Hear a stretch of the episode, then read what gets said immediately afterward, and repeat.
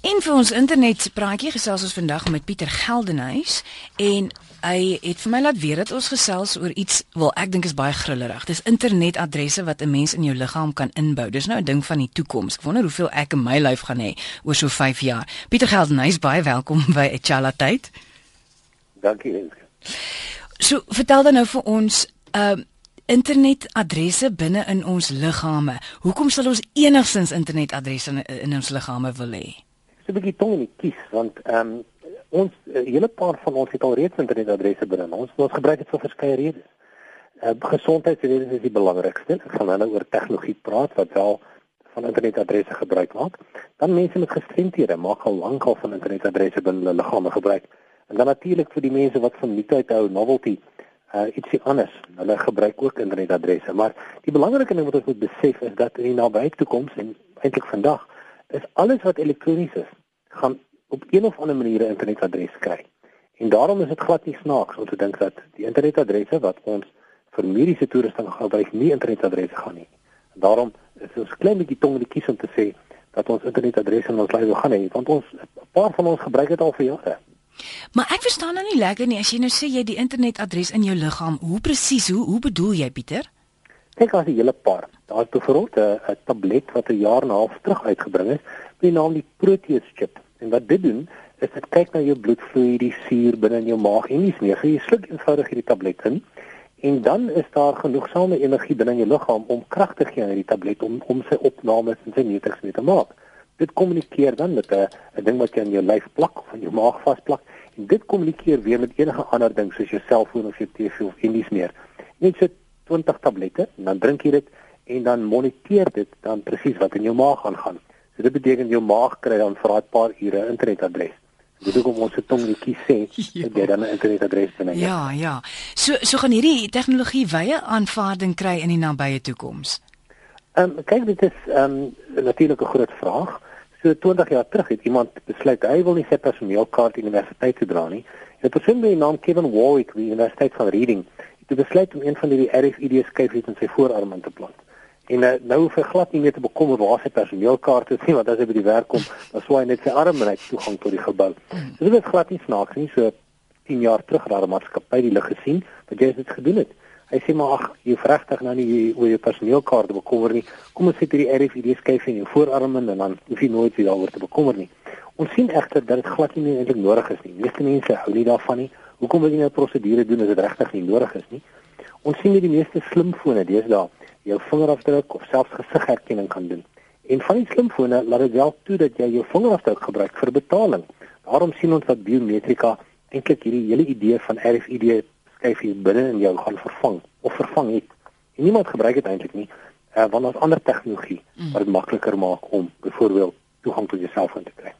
Goed, jy het nou so klein bietjie verwys na na waar mense dit kan gebruik, maar watter ander voorbeelde is daar van nie gesondheidsredes waar persone internetadresse in hulle liggame ingeplant het? Ehm um, kyk, dit eintlik maar eh, in die verlede het mense gesê maar ek kan amper my voertuig aanskakel indien ek dit so doen of ek kan op 'n moltrein klim of uh, enige toegangskaartjie met hierdie RFID skyfies op byvoorbeeld die personeelkaart waar jy net ehm um, dit oor 'n skandeerder vee en dan maak dit die deur oop. So dit is die idee daar agter en ehm um, dit het eintlik werklik nooit 'n uh, toegang dit gevind in die algemene publiek nie.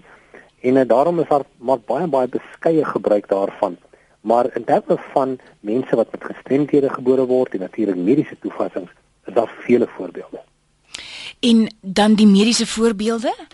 Ehm, ek het byvoorbeeld twee weke terug, dis op 'n Saterdag was ek 'n geleentheidsspreker by 'n maatskappy met naam Medtronic en hulle het 'n pas aangeheer wat 'n internetadres en 'n SIM-kaart het. So hulle hulle hulle bou fisies hierdie pas aangeheer binne in jou lyf in. En as jy dan 'n hartaanval kry, dan ehm um, stuur hierdie ehm um, pas aangeheer fisiese boodskap met 'n GPS koördinaat uit en sê hierdie persoon kry 'n hartaanval, kom help hom asseblief. Ehm um, en dit gaan so ver dat as jy as jou hart in sekere kondisies ingaan waar hy te vinnig begin klop of hy waar heeltemal stop, dan kan dit pas aan gee fisies terugskop uh, in 'n normale ritme in.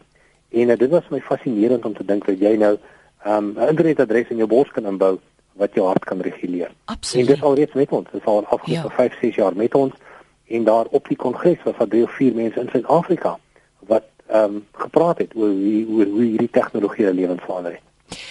en en en iets soos bioniese oë en so ding. Ek dink nou aan man van staal toe ek klein was. Ja, daai nie reeks? ver weg nie, hoor. Ja. Ehm um, daar's geweldige ehm um, navorsing wat gedoen word in terme van bioniese oë. So persone wat ehm um, blind word met tyd, dis nou as die ehm um, jy weet as, daar alreeds as jou brein alreeds aangepas het om om dinge te sien en jy verloor dan jou sig.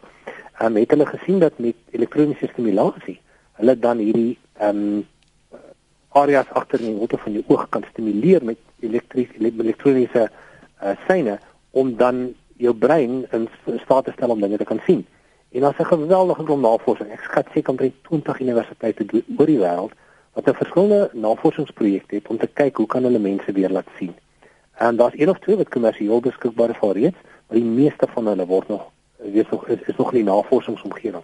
So dit is glad nie buite die ehm um, skatting jy weet die volgende paar dekades, een of twee dekades, dat jy wel 'n bioniese oog gaan hê wat jy kan implant en waar dit waarmee jy kan sien nie. Hmm. Dit is ook natuurlik nie onmoontlik om te dink dat oor 3 of 4 dekades mense wat amper blind gebore is beter sal kan sien as wat ons normale mense kan sien nie, want jy gaan nou heeltemal ander funksies binne in jou oog kan inbou. Ja. So die man van staal idee is glad nie ver Ja. weg nie, dis eintlik alreeds 'n realiteit. Ja, Jen en ek is ook nou by die ouderdom waar ek kom agter die ander dag moet ek nou goeters bietjie verder van my oë afhou om te kan lees. Dit is skokkend as ek kom maar doen al vir jare, so ek uh, my enige simpatie.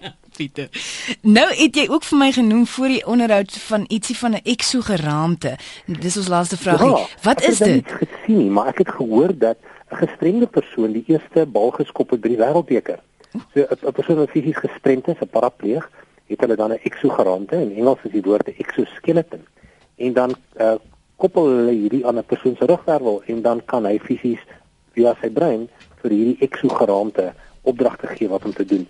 En as soos ek uh, verstaan het, ongelukkig het ek nie gesien nie, is die eerste bal wat afgeskop het in hierdie wêreldbeker, jy is deur so 'n persoon afgeskop. Jen. So, ehm um, ons ons weet die militêre omgewing kyk ook daarna hoe om soldate amper langer te laat uithou, maar eh uh, definitief 'n persone wat kwadripleeg of parapleeg is om miskien te kyk of hulle ehm um, deur tegnologie 'n bietjie meer onafhanklik kan wees. Pieter, ongelukkig moet ek jou nou groet. Ons is vandag so effe agter want ons hou nog nog 'n kompetisie ook. Ek sou regtig langer wou gepraat het want dit klink bitter interessant. Dis ek dis ek het gesê wat ek moet sê, maar kom ons Ja. gesels volgende week weer. Goed, Pieter, wat is jou kontakadres as iemand dalk vir jou e-pos of 'n ding wil stuur om meer te vra? kan net na my webwerf toe gaan, pietergeldnes.com en daar is al die nodige kontakbesonderhede. Dankie Pieter, lekker dag vir jou verder. Altyd mooi. En dit was Pieter Geldenhuys, hy's verbonde aan die Potchefstroomse besigheidskool van die Noordwes Universiteit en sy webwerf pietergeldenhuys.com.